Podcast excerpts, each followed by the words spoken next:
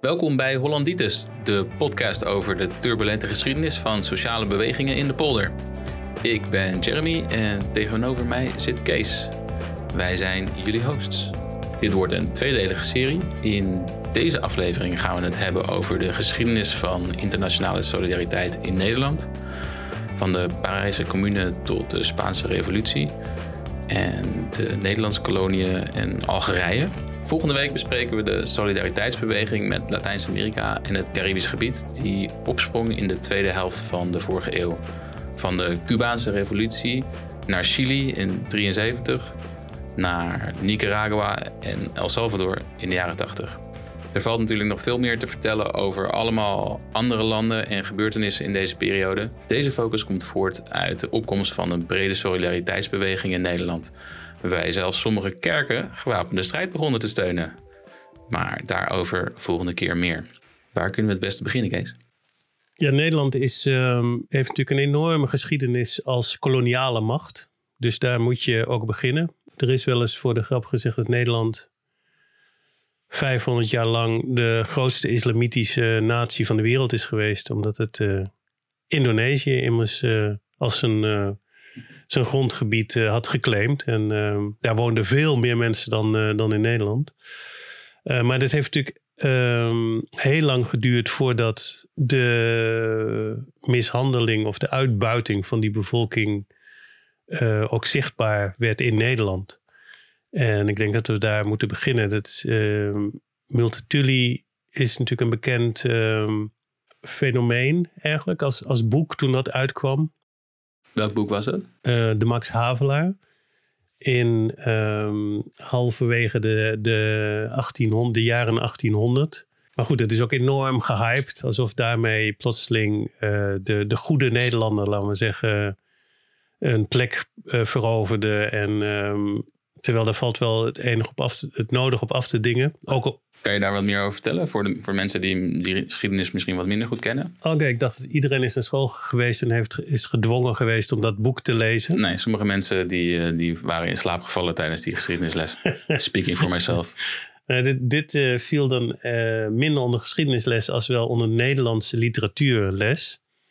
Het is het belangrijkste boek. Nog steeds wordt dat zo uh, min of meer gezien in, in de Nederlandse literaire uh, kanon. En het is een, een verhaal van ja, de schrijver uh, Eduard Douws Dekker, die zich het pseudoniem Multatuli. ik heb veel geleden. betekent het eigenlijk een soort Latijnse verbastering daarvan. hij had uh, toebedeeld. En uh, hij was toen hij dat boek uitbracht, was hij al een redelijk beroemd uh, ja, denker en schrijver eigenlijk. En iedereen wist dat hij daar mee bezig was. En dat is een, een, hele happening geworden toen het boek uitkwam. En dat vertelt eigenlijk het verhaal van het lijden en de uitbuiting in Indonesië in een soort raamvertelling. Tegelijkertijd, Multatuli komt ook, hij was onderdeel van de lagere, ja, hoe noem je dat, de hiërarchie van Nederlanders in Indonesië. En daar had hij het ook gezien wat er gebeurde. En dat hoorde hij in het boek, hij dat duidelijk maken.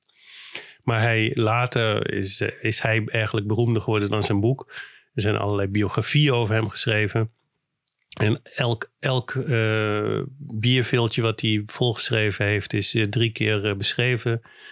En het blijkt dat hij ook geld had geïnvesteerd in een plantage daar en zo, dat, dat soort dingen.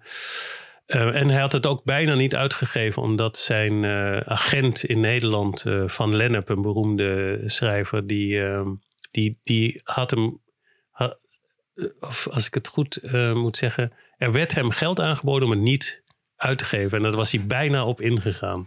Dan was hij miljonair geweest en was het boek er niet gekomen.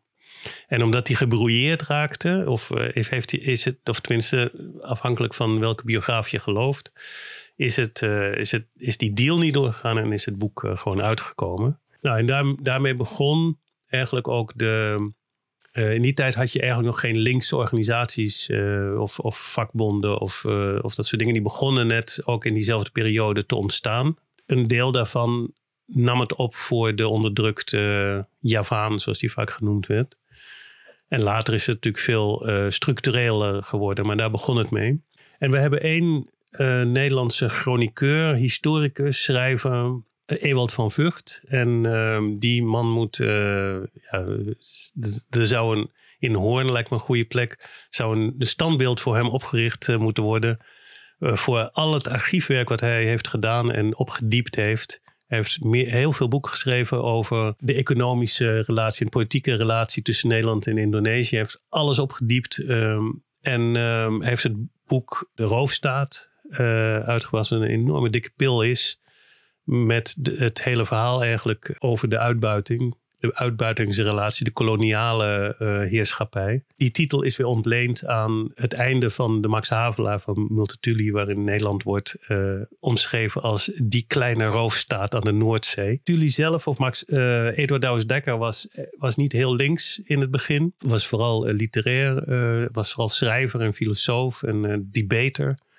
En is later wel veel meer in, in de kringen van ehm, van de Sociaal-Democratische Bond. Van, uh, van, we, we, beginnen altijd daar weer over uh, Domela Nieuwenhuis en zo uh, terechtgekomen. Ja, dat was voordat die, die socialistische organisaties echt, echt ontstonden of op gang kwamen. Net aan het begin daarvan.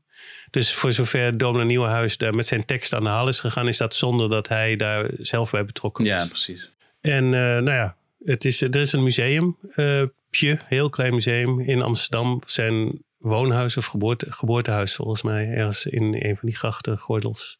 Het uh, Max Havelaar Museum of Multatuli Museum. Daar liggen alle, alle manuscripten. Kan je daar de originele uitgaven en zo uh, terugvinden. Voor die tijd was natuurlijk... was Nederland heel klein, maar ook de visie van mensen over wat er zich daarbuiten afspeelde was redelijk beperkt. Ook omdat ja, het was nog heel moeilijk om om daar te komen of daar nieuws over te krijgen. Televisie en zo bestond nog niet, films uh, nog nauwelijks. Vanaf wanneer is, is de Nederlandse kolonie in Indonesië of Java dan Ja, dat hangt, hangt samen met, met de op, oprichting en ontwikkeling van de VOC, van de Verenigde Oost-Indische Compagnie. In die tijd bestond Nederland nog niet als, als, als natie. Laten we zeggen, het waren de, de zeven provinciën en, maar die gingen de wereld uh, veroveren. Het was een soort kruising tussen handel, bezetting en piraterij. Was dat in, in, een soort strijd met de Engelsen en de Spanjaarden en Portugezen. En Nederlanders die in Nederland, onder andere door de molens die we hadden, waar een soort zaagmethode in ontwikkeld werd, konden ze snel schepen bouwen of snel hout zagen waar schepen mee gebouwd werden. En, uh, en op, die manier, was, was het lucratief om, uh, om die overzeese handel uh, te organiseren. En zo is de VOC ontstaan. Dat is begin 1600. Het is in veel um, geschiedenisboeken wordt het de eerste multinational van de wereld wordt het genoemd. Ja. Dus het heeft ook eventjes eh, geduurd voordat de eh, kritiek of uh, georganiseerde kritiek of internationale solidariteit op gang kwam.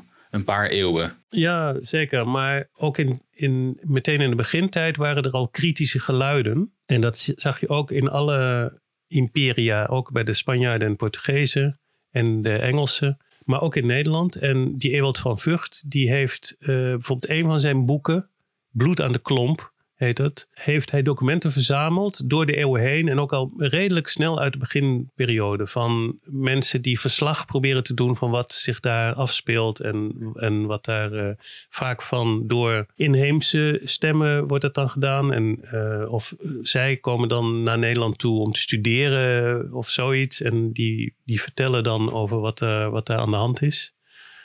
En er is natuurlijk uh, de voornaamste reden dat er niks mee gebeurt of dat het zich niet kan ontwikkelen, is dat dat niet uitkomt in Nederland om, uh, om naar buiten te komen. En er is veel repressie en uh, dat, is, dat is ook een constante door de eeuwen heen. En er is ook geen, geen machtsblok die, die pressie kan uitoefenen op de regering om daar iets te veranderen. Nee, nee of het moet van buiten komen. Die, die in, mogendheden die elkaar bestrijden over die hmm. gebieden, die, uh, die proberen dat natuurlijk wel uh, uit te buiten of tegen elkaar uit te spelen. Maar de hele politieke discussie is nog helemaal uh, niet ontwikkeld. En Ehm, dat heeft onder andere te maken met een zeer problematisch beeld wat er, wat er bestaat in de heersende kringen en ook in, in religieuze heersende kringen over de bewoners van buitengebieden. Um, en dat is natuurlijk, uh, dat, dat sleept nog steeds uh, door. Dat, dat, die, uh, dat, dat idee dat witte mensen in rijke landen, dat die gewoon slimmer zijn en beter weten voor de rest van de wereld wat, wat er moet gebeuren. En dat heeft heel lang en nog steeds kan je dat, kan je dat horen. Heeft dat ervoor gezorgd dat allerlei ehm, wantoestanden en zo afgedekt worden met het, tot en met er is, er is een beroemde scène in Vietnam. Uh, dat er een dorp platgebrand is en dat uh, een cameraploeg opstaat die zegt van wat, wat zijn jullie nou mee bezig? En dat de major die daar opdracht toe had gegeven zonder blikken of blozen verklaart dat dat voor het, het beste voor de bewoners is dat, dit, dat ze daar zijn. Dus dat dat voor, hoe noem je dat in het Nederlands? Dat is voor hun beste wil is dat eh, dat, eh, dat, dat gebeurt. Het moest wel platgebrand worden en uitgemoord. Ja, net als dat, dat de Spanjaarden, ik weet niet in hoeverre dat voor, voor Nederlandse kolonisatie geldt, maar dat het beste wat Spanjaarden konden doen in hun kolonies was om iedereen tot christenen te maken. Want als ze dat niet zouden doen, dan zouden ze immers naar de hel gaan. Dus het is het beste om, uh, om misschien met een beetje repressie hier en daar, een, uh, een uitmoording uh, op zijn tijd, is, is de moeite als er maar een paar christenen uitkomen. Want anders gaan ze allemaal naar de hel. En dat is, ja, dat wil je voor die mensen ook niet. Kortom, de, um, het rechtlullen van kolonialisme, racisme, imperialisme is van alle tijden. Ja, zeker. En, maar in die tijd waar we het over hebben, dus het einde van, van 1900, toen het eerste georganiseerde protest tegen koloniale bezetting begon te ontstaan. Toen werd dat heel nadrukkelijk ook gefabriceerd. Dat moest, de, de, propaganda begon toen natuurlijk ook te komen om mensen ervan te overtuigen dat het, dat het belangrijk was. En het was toen ook de periode dat. Dat, dat het, het kolonialisme belangrijk was. Precies, en dat daar geld in geïnvesteerd moest worden om legers heen te sturen want die bevolking die verzette zich natuurlijk ook voortdurend. Dat is ook een, een constante. En er is één redelijk klein boekje wat dat echt op een ongelooflijke manier beschrijft. Wat iedereen, uh, dat zou uh, school, uh, verplichte schoolstof moeten worden als, als dat zou werken. Want ik begreep net dat je er dan bij in slaap valt. Maar toch, ik weet niet wat voor manier, maar we moeten op de een of andere manier ja, mensen dwingen om dit eh, tot zich te nemen. Linkse indoctrinatie. Linkse indoctrinatie. Eh, we zijn er natuurlijk enorm voorstander van. Maar vooral bij dit boekje, en dat heet uh, Exterminate All the Brutes. Uh, en het is net in het Nederlands vertaald. Het bestaat al twintig jaar. Het is geschreven door een Zweedse uh, ja, schrijver, historicus Sven Lindqvist. En het is net bij De Geus vertaald als uitroeien die beesten. En dat is een verschrikkelijke uitspraak die uh, ja, eigenlijk door alle machthebbers van toen werd dat min of meer gedeeld. Dat beschrijft hij ook. Van, hij uh, beschrijft in zijn boek, dat gaat vooral over die uh, hele sterke, die zou het bijna neocoloniaal noemen, maar het was eigenlijk een nieuwe fase van het kolonialisme, dat de verschillende imperia de laatste stukken van de aarde op elkaar gingen proberen te veroveren. Zo 1870, zo die periode. Uh, en dat er dan. Uh, ja, je had nog een aantal gebieden in Afrika die. De Scramble for Africa, is dat, dat die uh, Inderdaad, periode? Ja. En dus moesten er ook moesten er legers heen gestuurd worden naar bijvoorbeeld uh, gebieden als Sudan of Somalië. En de Engelsen die hebben daar een enorme show van gemaakt. Dus die stuurde daar, er, werd met veel trompetgeschal en uh, festiviteiten uh, gingen legers de boten in of, of de treinen in en dan naar boten. De aanvoerders van die, van die legers, dat waren een soort, soort volkshelden waren dat.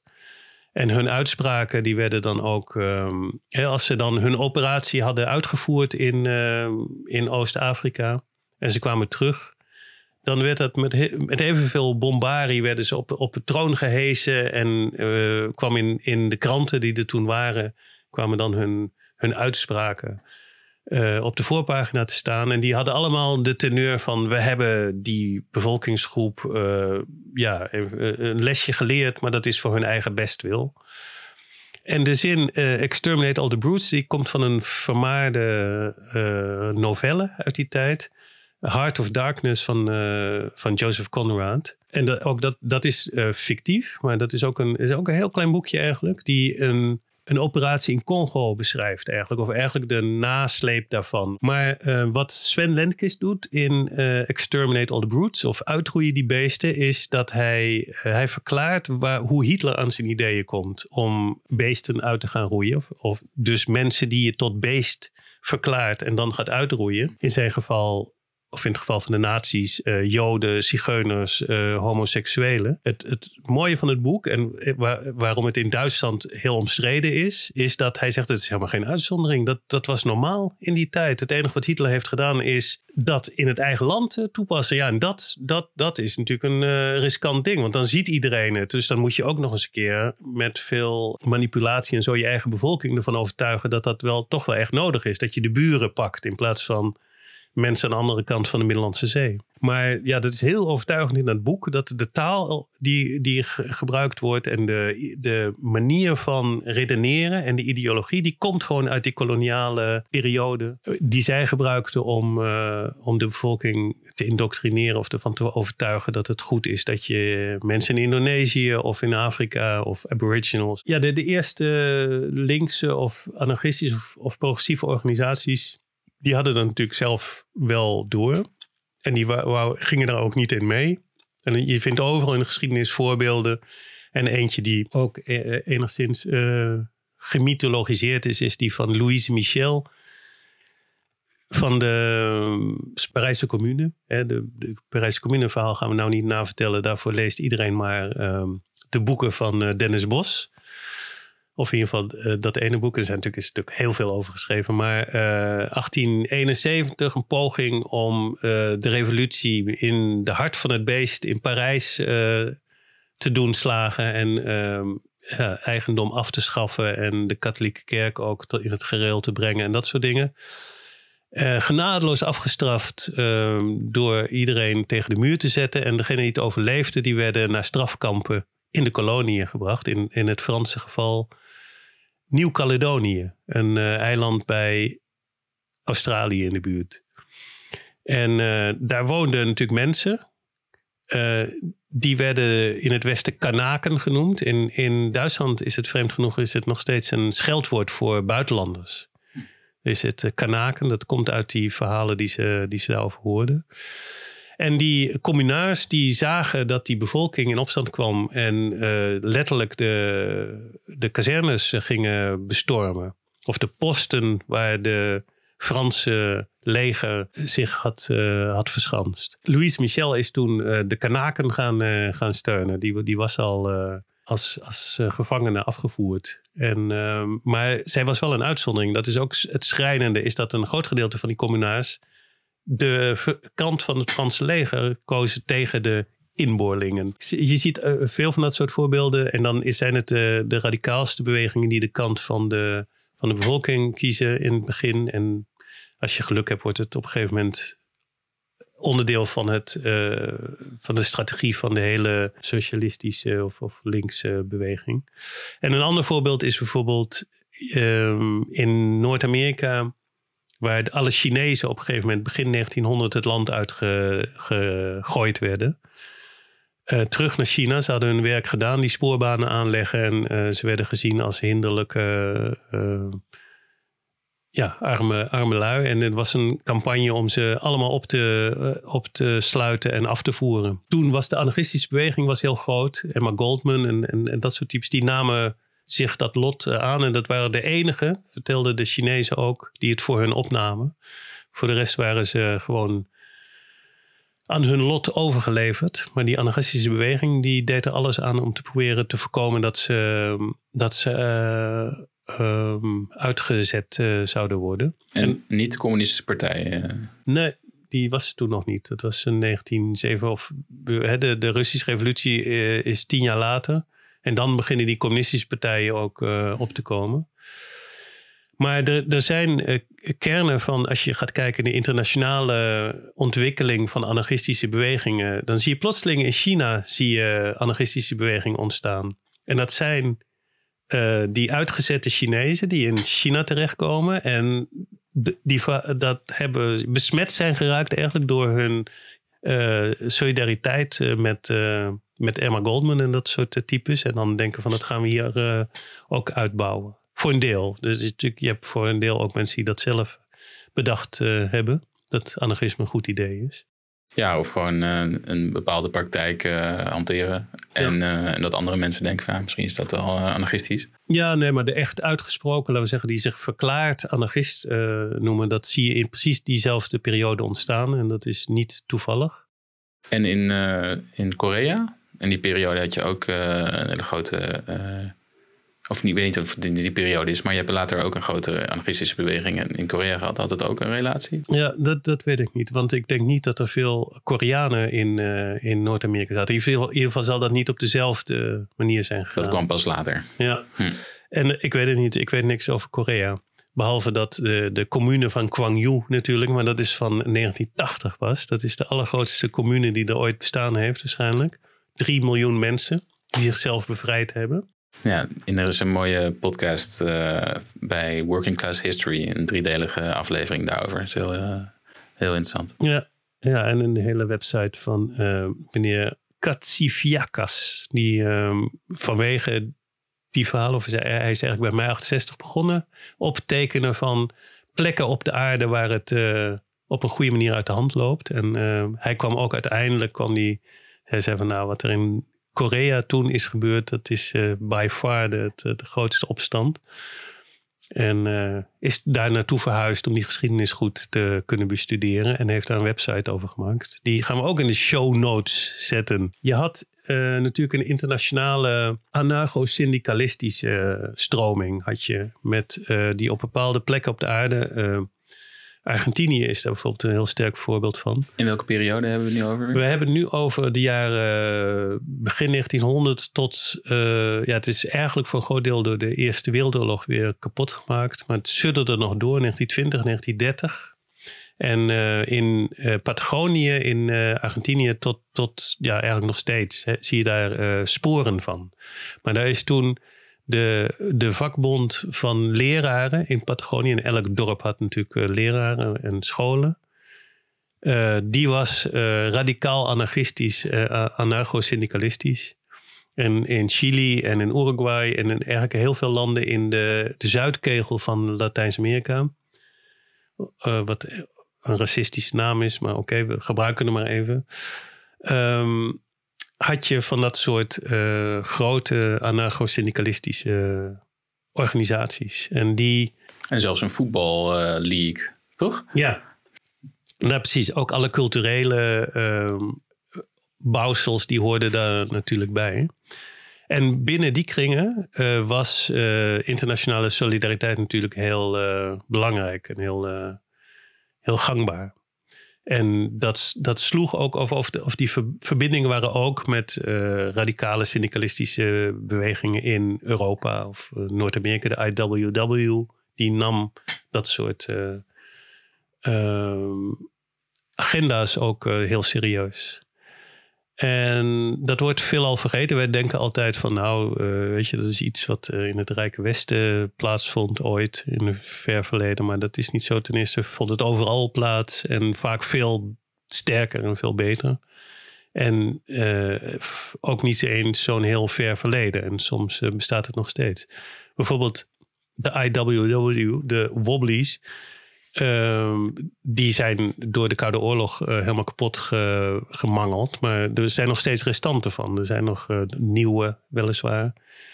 Net als dat de, de VOU in Duitsland nog steeds als vakbond uh, bestaat. Nou, je hebt zelfs nog wat IWW'ers in Nederland rond, rondlopen. Nu. Er zijn er een paar. Je kan er zelfs lid van worden. Maar goed, er is een, er is een boek geschreven wat die internationale goed beschrijft. En het boek is enigszins omstreden. Uh, omdat een van de schrijvers, uh, nou, die is discutabel wat, wat zijn politieke herkomst is, maar die andere niet. Die um, heet Lucien van der Walt. Dat is een hele Een hele soort de Noam Chomsky van Zuid-Afrika is dat. En die hebben een boek geschreven, Black Flame, The Revolutionary Class Politics of Anarchism and Syndicalism. Volume 1.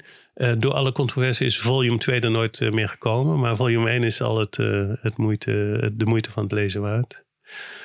Ja, en een ander sterk voorbeeld wat daarna, redelijk snel daarna kwam, is natuurlijk de Spaanse burgeroorlog.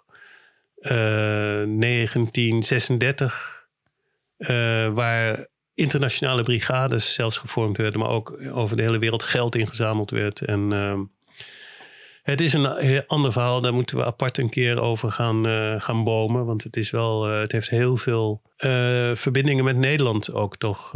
of of ja, ik was laatst weer een boek aan het lezen van een, een jongen die op 25-jarige leeftijd in Nederland in het verzet omkwam. Die net uit de Spaanse burgeroorlog terug was gekeerd. En meteen door kon het verzet in verraden werd en, uh, en afgemaakt. Dus uh, er, waren, er waren heel veel uh, mensen uit Nederland die daar naartoe gingen. Een beetje zoals nu mensen naar Rojava gaan. En dat zijn er niet zoveel en zeker niet zo openlijk. En toen had je al wel de communistische partij en meer linkse stromingen van de, van de communisten. En die, uh, ja, daar, daar was een soort campagne van uh, de strijd waar de, de alles of niets situatie in Spanje die vraagt om onze uh, solidariteit. En dat ging zelfs zo ver dat mensen zich daar dood lieten schieten. Of niet, natuurlijk niet vrijwillig. Maar, dus je ging naar een informatieavond toe, je kon je inschrijven en dan, kon je, dan regelden ze mensen een manier om Spanje in te komen. En dan had je contacten en dan kon je, kon je meevechten tegen de, ja. vechten tegen de fascisten. Ja, en um, dat was veel minder uh, makkelijk dan, dan, het, dan het lijkt. Want je werd uh, daardoor raakte je staatsburgerschap kwijt. Dus als je terugkwam, dan je werd niet opgepakt. Het was vlak voor uh, de begin van de Tweede Wereldoorlog. Maar je was een vrij vreemde. Je werd beschouwd als iemand die in vreemde krijgsdienst was geweest. En uh, daarmee was je je staatsburgerschap kwijt. Dat gebeurde ook met deze man, Krijn Breur, waar, ik het over had. En, uh, en je had natuurlijk de controverse daar dat de communistische partij op bevel van Moskou natuurlijk ook uh, op een gegeven moment strijd is gaan leveren tegen andere partijen, met name de anarchisten, maar niet alleen. Um, in, in Spanje. Dus dat is een hele murky uh, situatie geworden. Daar. Ja, we zullen ongetwijfeld in de toekomst nog uh, iets daarover doen. Ben je, ben je geïnteresseerd, kan je uh, een boek lezen. Homage to Catalonia is een uh, goed boek van George Orwell erover. Er zijn ook een paar leuke films. Libertarias, film over vrouwen in de Spaanse revolutie. Maar Land and Freedom. Land and Freedom, zo heet die film van Ken Loach.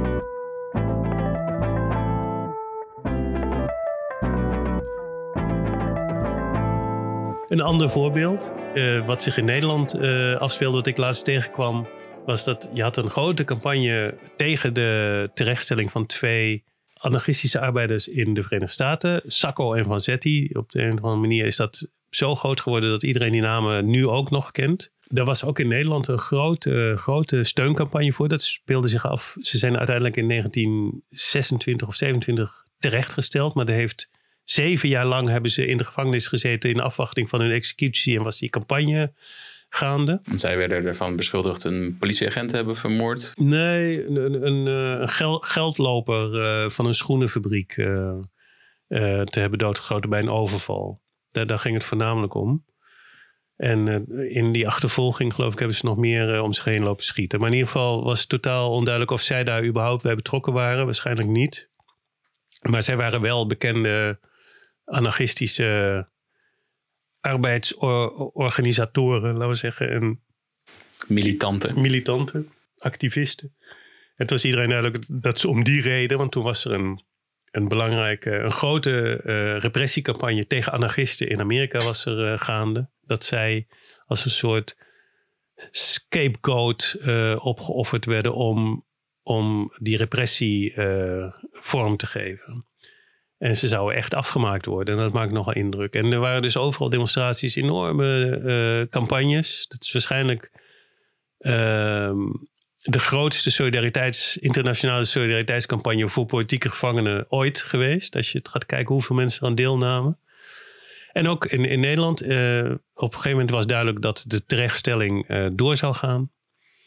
En toen werd uh, door het campagne, er waren meerdere comité's hier, want de, de linkse familie was toen al gebrouilleerd met elkaar. Na elkaar hadden ze de Schouwburg af, afgehuurd, of het concertgebouw. dus dat hele, hele gebouw dat werd gevuld met duizenden mensen die zich daartegen wouden uitspreken.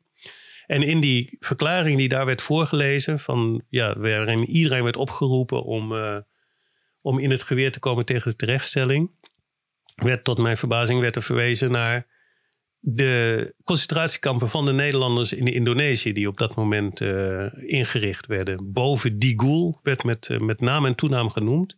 Dus de, de anarchistische campagne, die zei van we moeten ons niet, we moeten niet denken dat het nou iets is wat uh, alleen in Amerika met arbeiders daar gebeurt.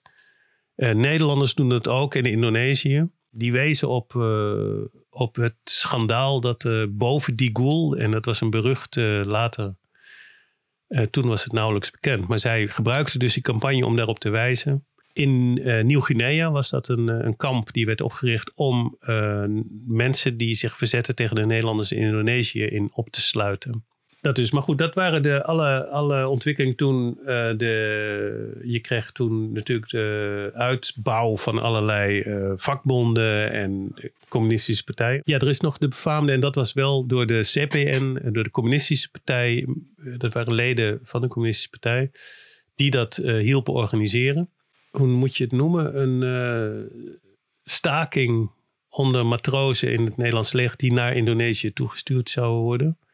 En in 1933 is uh, een heel schip is toen overgenomen. Dat is waarschijnlijk de enige voorbeeld van, uh, van muiterij binnen het Nederlandse leger in, in de moderne historie. de zeven provinciën. En een van de redenen was dat zij.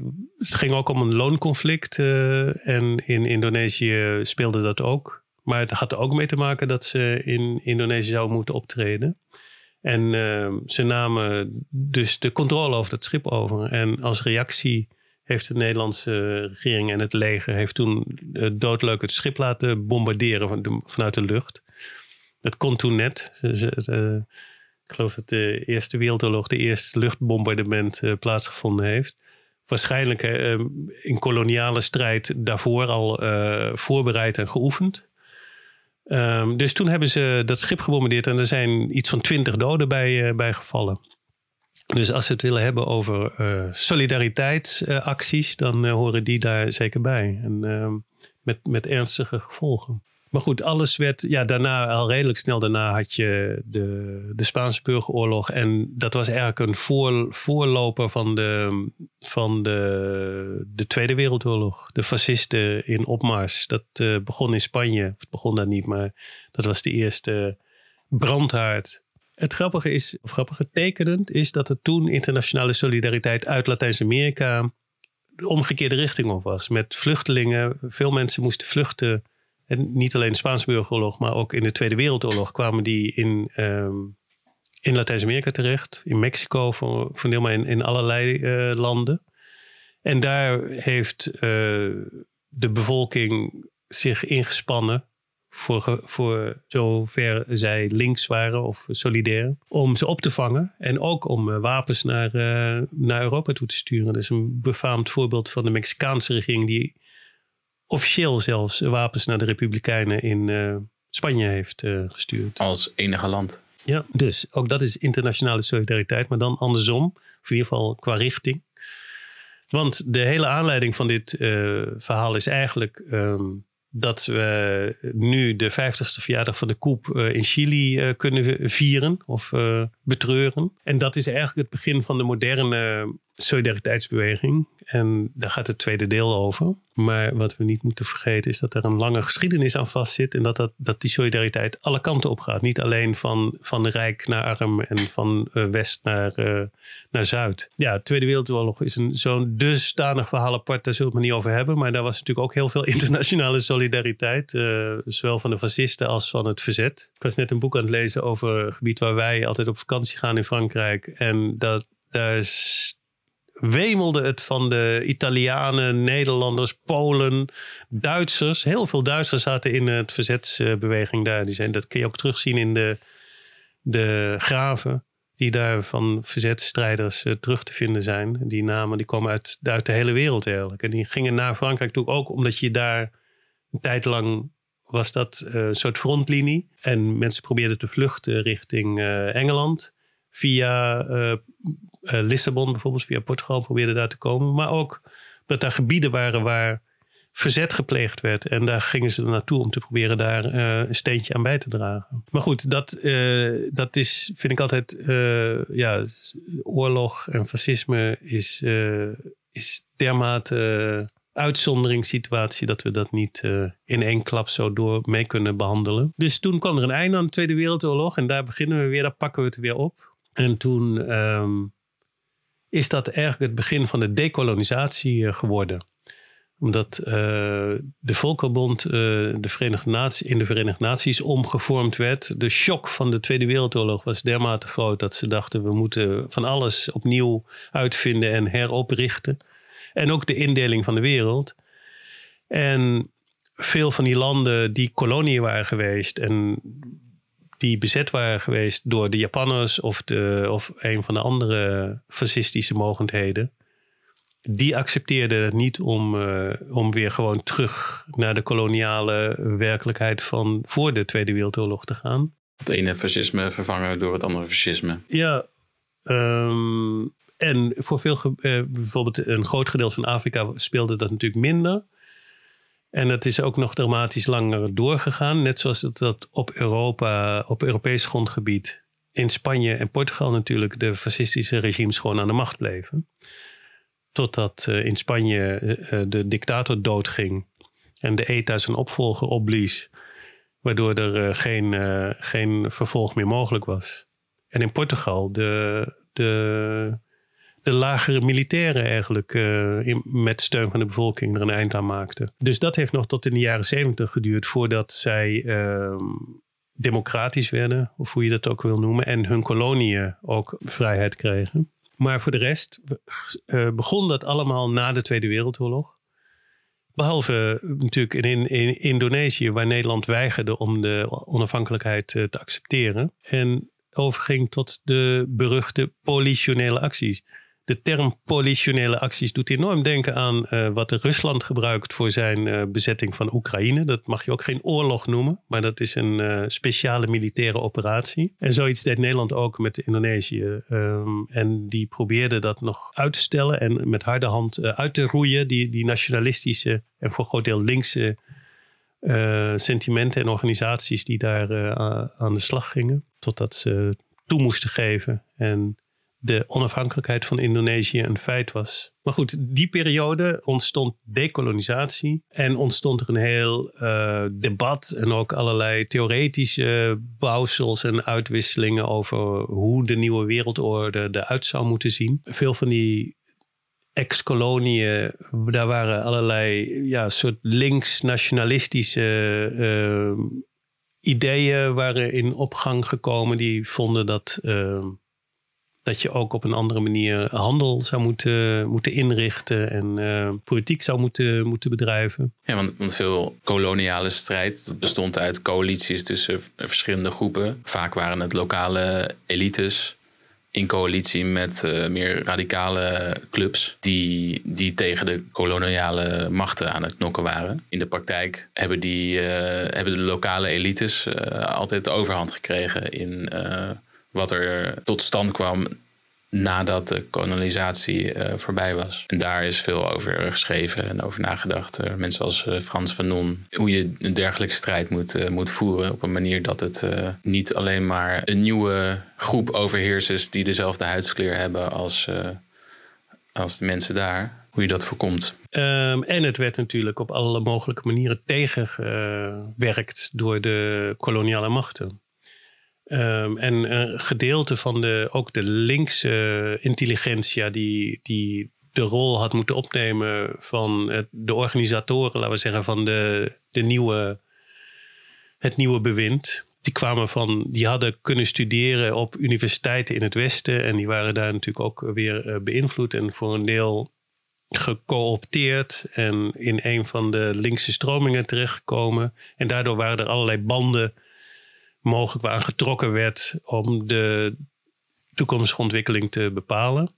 Maar vooral stonden de westerse mogelijkheden vooraan om te voorkomen dat het echt uh, links zou worden. Nou, er zijn heel veel voorbeelden van, uh, van uh, dat ze gruwelijke middelen hebben, hebben benut om de, de meest links, of misschien is dat een verkeerd woord, maar de, de, de beste krachten uit te roeien. En Patrice Lumumba in Congo door België is natuurlijk een een beroemd voorbeeld. Dat was een, uh, een belangrijk leider geworden als hij niet door de Belgische geheime dienst gewoon vermoord was. Het is nog steeds eigenlijk staatsgeheim hoe dat precies is, is gebeurd. Ja, in Algerije was eigenlijk het eerste land waar een soort burgeroorlog plaatsvond, die ook, nou misschien niet het eerste, waar, dus was op veel plekken, maar Algerije was een hele prominente.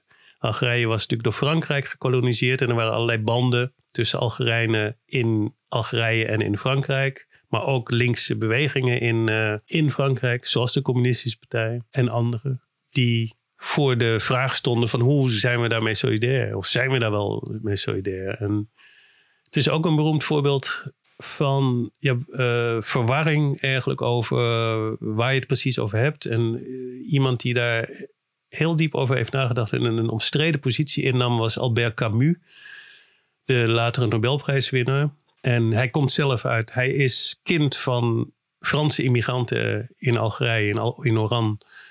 En om die reden zei hij van ja, je kan niet eenvoudig, je kan niet gewoon alle Fransen eruit knikkeren en denken dat je het daarmee oplost. En uh, die hebben ook een recht ergens op. En uh, nou, dat, dat, dat kwam niet goed aan. Nog steeds zijn er mensen die dat vinden dat hij de hele boel verraden heeft en zo. Ja, terwijl je ook kan zeggen van uh, het klopt natuurlijk ook. En hoe ga je daarmee om? En ook had hij veel te zeggen. Hij was eigenlijk pacifist over de middelen die je benut bij, bij bevrijdingsstrijd. En of alle middelen uh, geoorloofd zijn of niet. Dat zijn hele interessante discussies geweest toen. En er was ook een duidelijke Nederlandse band, want uh, de trotskistische beweging in Nederland, een aantal mensen daarvan, die hadden besloten dat ze illegale steun aan Algerije zouden gaan leveren in de vorm van geld, van bankovervallen en wapens. En uh, ja, dat, was, dat is ook een interessant uh, episode uit de, de, geschiedenis van de moderne internationale solidariteit. Het enige wat wij nog eraan toe moeten voegen is dat uh,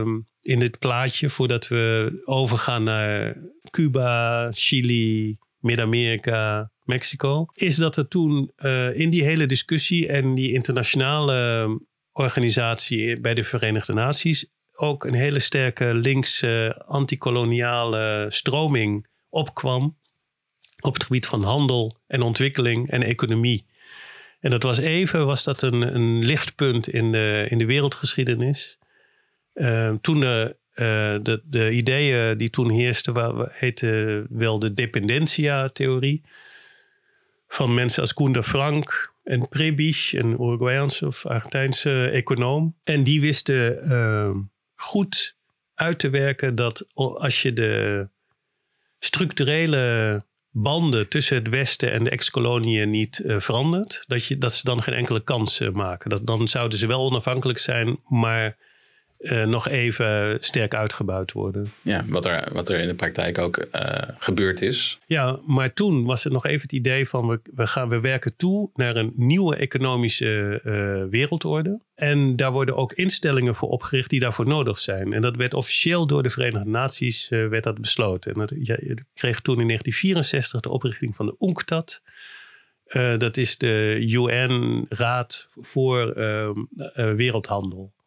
En waarin allerlei revolutionaire uh, maatregelen plotseling beloofd werden. Zoals bijvoorbeeld het recht op nationalisatie van grondstoffen. Ja, want het waren allemaal, uh, er zaten allemaal uh, landen in natuurlijk die, die vers van de, van de pers, zeg maar, gedecoloniseerd waren. Ja. En een deel van die, van die landen had ook een, zo'n radicaal linkse, of in ieder geval een, een linkse flank. Ja.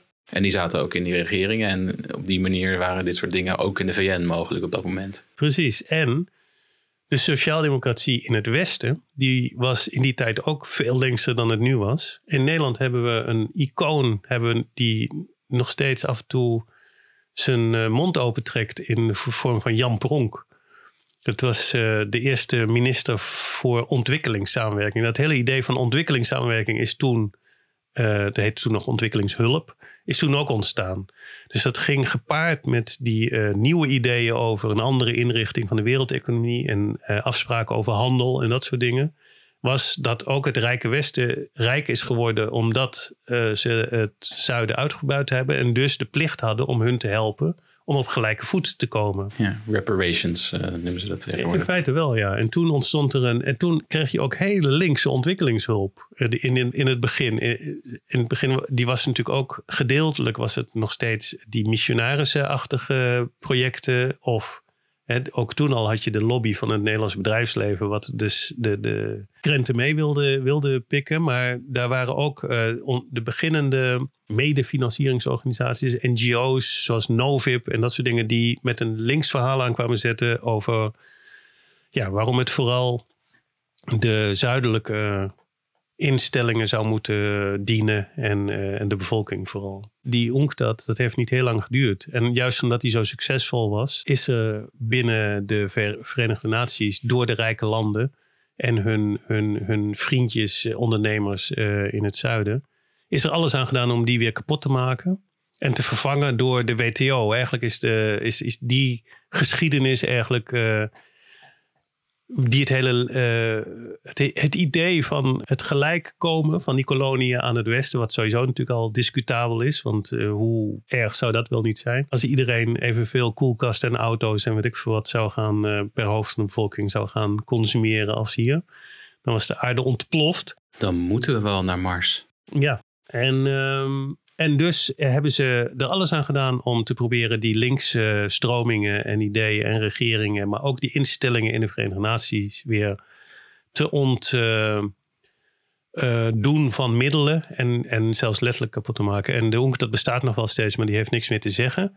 En alle, alle beslissingen over handel en zo worden tegenwoordig in vrijhandelsverdragen en, en de WTO.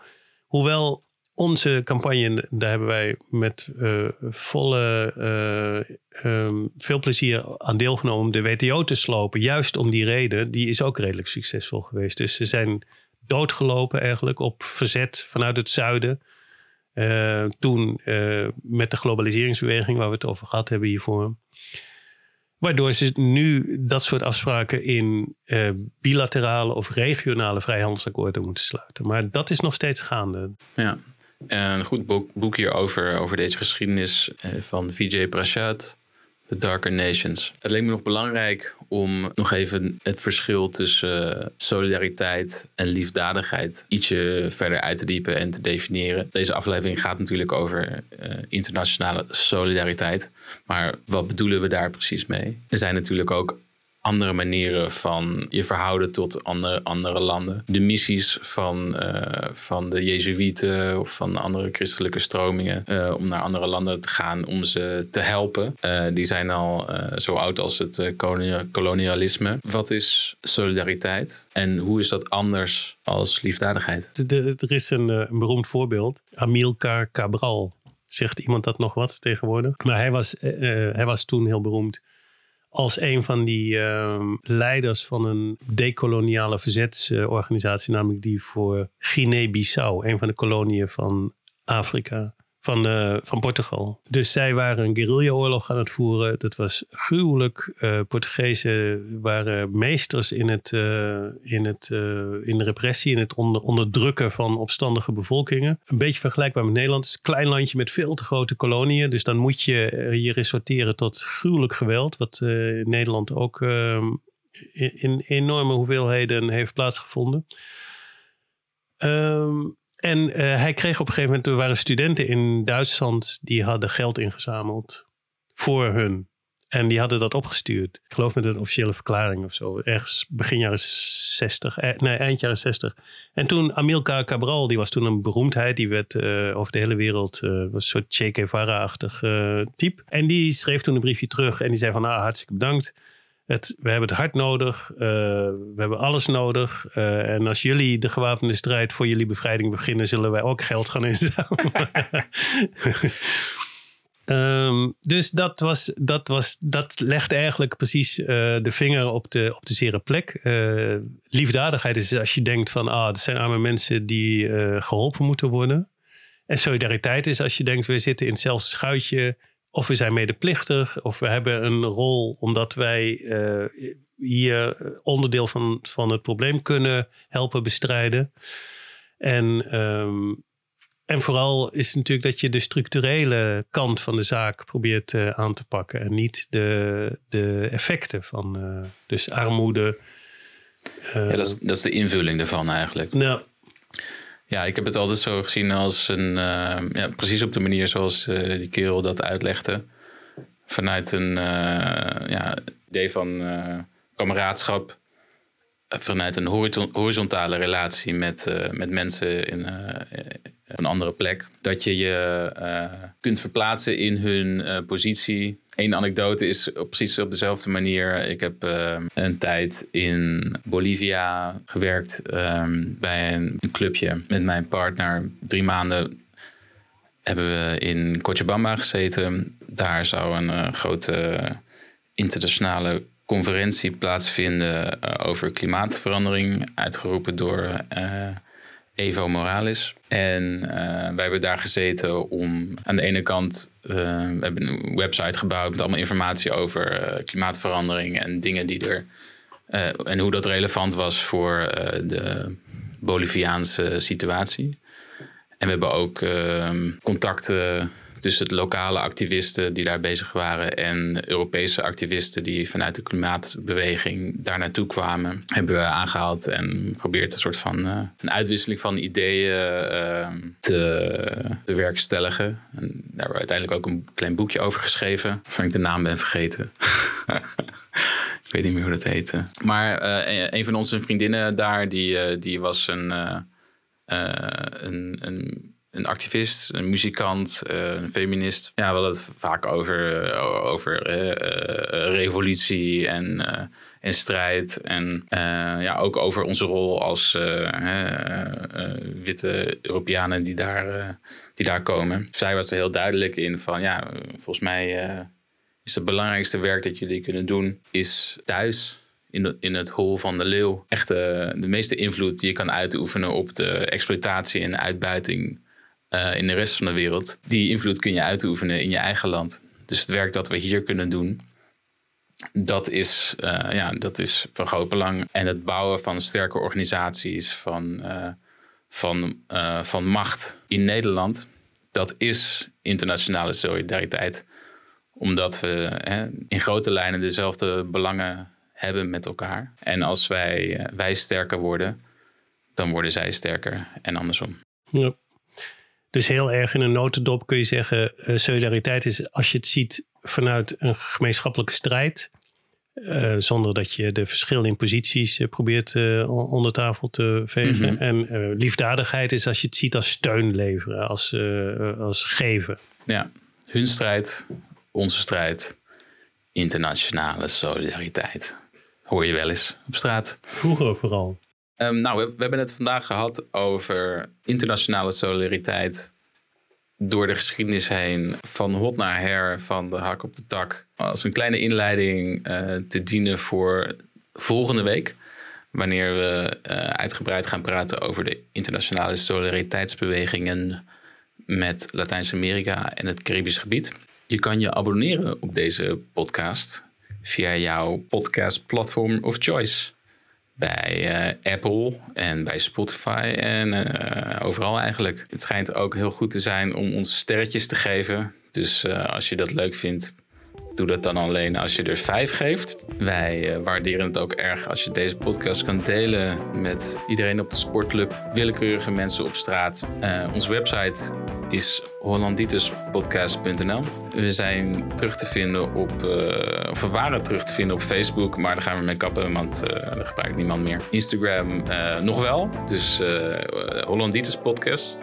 Daar kun je ons vinden op het platform formerly known as Twitter, zijn wij Hollanditis. En bij Mastodon ook, Hollanditis. Paljas, bedankt voor het uh, intro en outro nummer. En wij gaan jullie allemaal ontzettend zien bij de volgende aflevering. Doei! Doei!